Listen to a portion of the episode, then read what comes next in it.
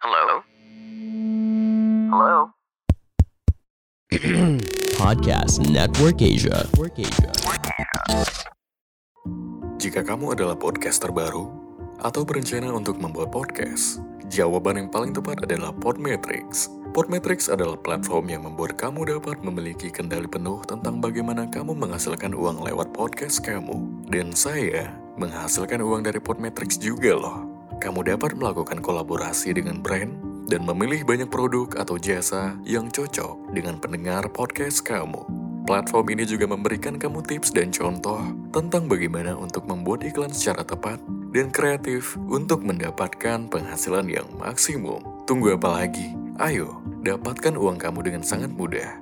Jadi, kalau kamu seorang podcaster, pastikan kamu mendaftar dengan klik link yang ada di description box episode ini dan gunakan kode referralku agar kamu juga dapat menghasilkan uang dari podcast kamu.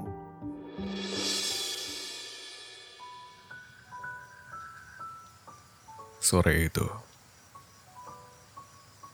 kala mata angin membawa mentari ke punggung lautan, aku melangkah dan memijaki beberapa batu yang bisa mengantarkan ke puncak bukit, yang di mana tidak banyak orang-orang tahu bahwa di sanalah tempat yang paling terbaik untuk menanti kepulangan senja. Jadi kupikir, ini adalah tempat rahasiaku. Maka dari itu, sampailah aku di perbukitan itu. Namun setelah sampainya di sana, aku melihat Aku melihat ada siluet perempuan yang memegahi panorama senja yang merah jingga itu. Rambutnya terurai berterbangan dengan anggun di sisi senja yang menengahi panorama mataku. Terlalu sempurna. Itu terlalu sempurna. Bagaimana bisa dari jauh sini, aku melihat pemandangan di atas bukit ada siluet perempuan yang berdiri anggun di saat-saat senja mulai tenggelam sambil memegang sepucuk mawar merah. Setelah beberapa menit aku bergeming menikmati pemandangan yang langka itu, aku mencoba mendekati perempuan ini. Hai Nona, siapa namamu? Tanya aku sambil melirik parasnya yang cantik lalu kembali memandang senja yang lambat-lambat ingin pulang. Namun perempuan itu tak menjawab apa-apa selain tersenyum. Dan ketika mata kami saling membentur, dia kembali tersenyum, lalu mulai mendekati diriku. Rasanya seperti ada yang bergemuruh dan ingin pecah di dadaku. Kutanyakan sekali lagi pada perempuan itu. Siapa gerangan nona ini? Dan mengapa ada di bukit ini? Tetapi dia masih tak menjawab apa-apa. Dan memandang senja seolah ingin memberikan jawaban padaku bahwa kedatangannya sama sepertiku. Menunggu senja pulang. Lalu tak lama kemudian angin-angin mulai semakin sejuk dan arakan awan mendung mulai berdatangan menutup satu persatu garis cakrawala senja yang merah tegas itu. Dan tebak apa jadinya senja ini kalau hujan datang. Pasti sangat buruk, sangat buruk, sangat mengganggu. Dan tak lama kemudian hujan pun benar-benar datang pada saat itu. Sial, mau tak mau aku harus mencari tempat teduh untuk kami berdua. Ah, maksudku untuk aku dan perempuan asing ini. Dengan sigap aku membuka jaketku, lalu menutup kepalanya agar tak terkena serangan hujan. Ya walaupun aku sedikit basah dan hujan-hujan itu membuat tubuhku semakin menggigil sejuk. Ya kami berdua, maaf aku dan perempuan asing ini berteduh di bawah pohon besar yang rindang yang cukup meneduhkan kami dari hujan-hujan sial ini. Aku melihat perempuan ini seperti kesal seolah hujan seolah hujan benar-benar mengganggu pemandangan senja yang ia tunggu-tunggu. Lalu aku pun berkata, Sudah, kau jangan lagi menangis. Biarkan hujan-hujan ini saja yang mewakilimu. Lalu kulanjutkan berkata-kata, Nona, mungkin saja hujan-hujan ini juga ingin melihat senja pergi dan menangisi atas kepergiannya senja. Atau mungkin saja Senja bukan pulang, tapi pergi. Atau mungkin saja, hujan-hujan ini adalah mantan kekasih senja yang ia hianati. Atau mungkin saja, Hujan-hujan ini sedang berteriak memanggil senja yang masih bersikeras untuk tetap pergi. Atau mungkin saja, atau mungkin saja. Semua kata mungkin saja, mungkin saja, dan mungkin saja aku utarakan agar perempuan asing ini bisa sedikit memahami kedatangan senja. Lalu ku akhiri dengan kata, mungkin saja kita yang tidak pernah memahami bahwa pada nyatanya setiap kedatangan punya alasan. Seperti aku dan kau ada di sini, datang untuk menunggu kepulangan senja. Dan tak lama kemudian, perempuan asing itu pun sedikit memperbaiki wajah yang tadinya muram. Dan desir angin kian kencang, dan kami mulai kedinginan.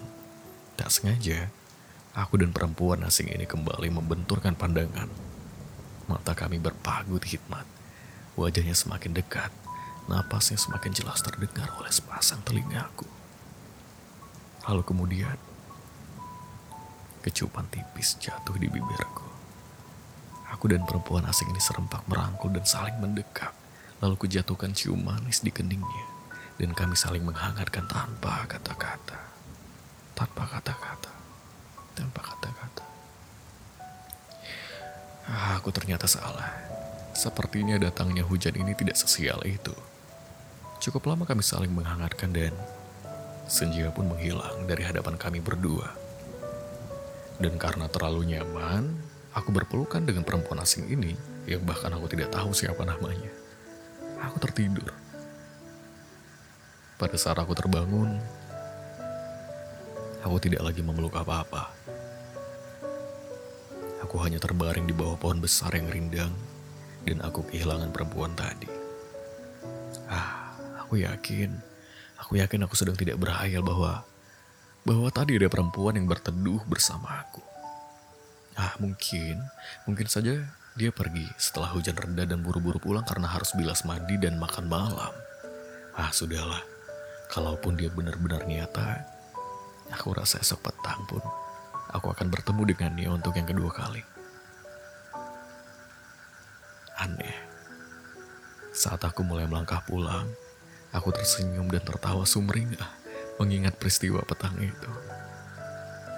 Dan aku berharap, semoga saja besok aku bertemu dengannya dan semoga hujan sial itu datang lagi. Lalu aku pun berjalan turun. Dan ketika aku turun memijaki beberapa batu, aku tergelicik dan kepalaku mendarah di tanah. Aku rasa aku cukup sebentar memejamkan mata dan tak mengingat apa pun selain perempuan asing itu, hujan senja, dan dan suara perempuan yang sedang berusaha membangunkan aku. Tunggu, perempuan. Dan benar saja ketika aku terbangun, aku sekali lagi untuk kedua kalinya aku memandang perempuan asing itu. Oh Tuhan, ternyata aku sadar bahwa kau memang maha baik. Dan aku pun pulang ditemani perempuan itu. Sekali lagi, ketika kami pulang. Hujan datang, entah untuk alasan apa kali ini hujan datang. Tapi untungnya kami lebih dulu sampai di rumahku sebelum hujan itu datang.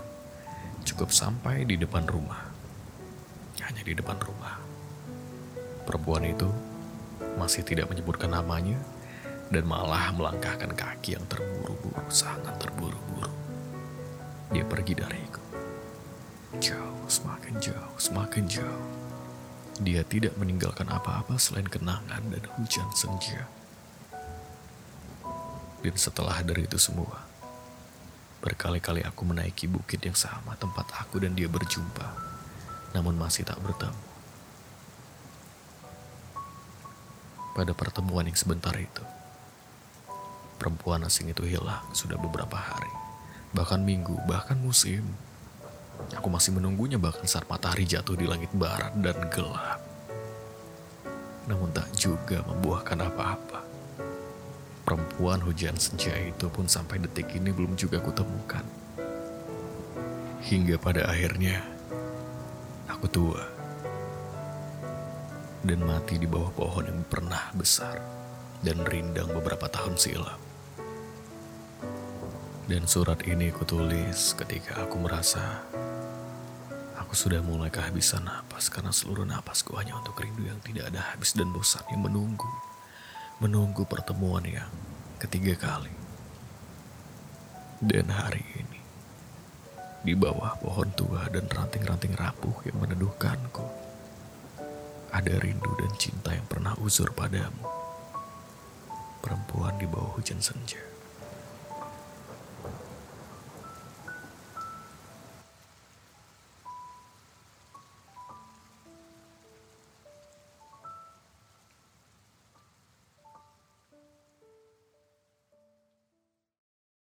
Pandangan dan opini yang disampaikan oleh kreator podcast, host, dan tamu tidak mencerminkan kebijakan resmi dan bagian dari podcast Network Asia.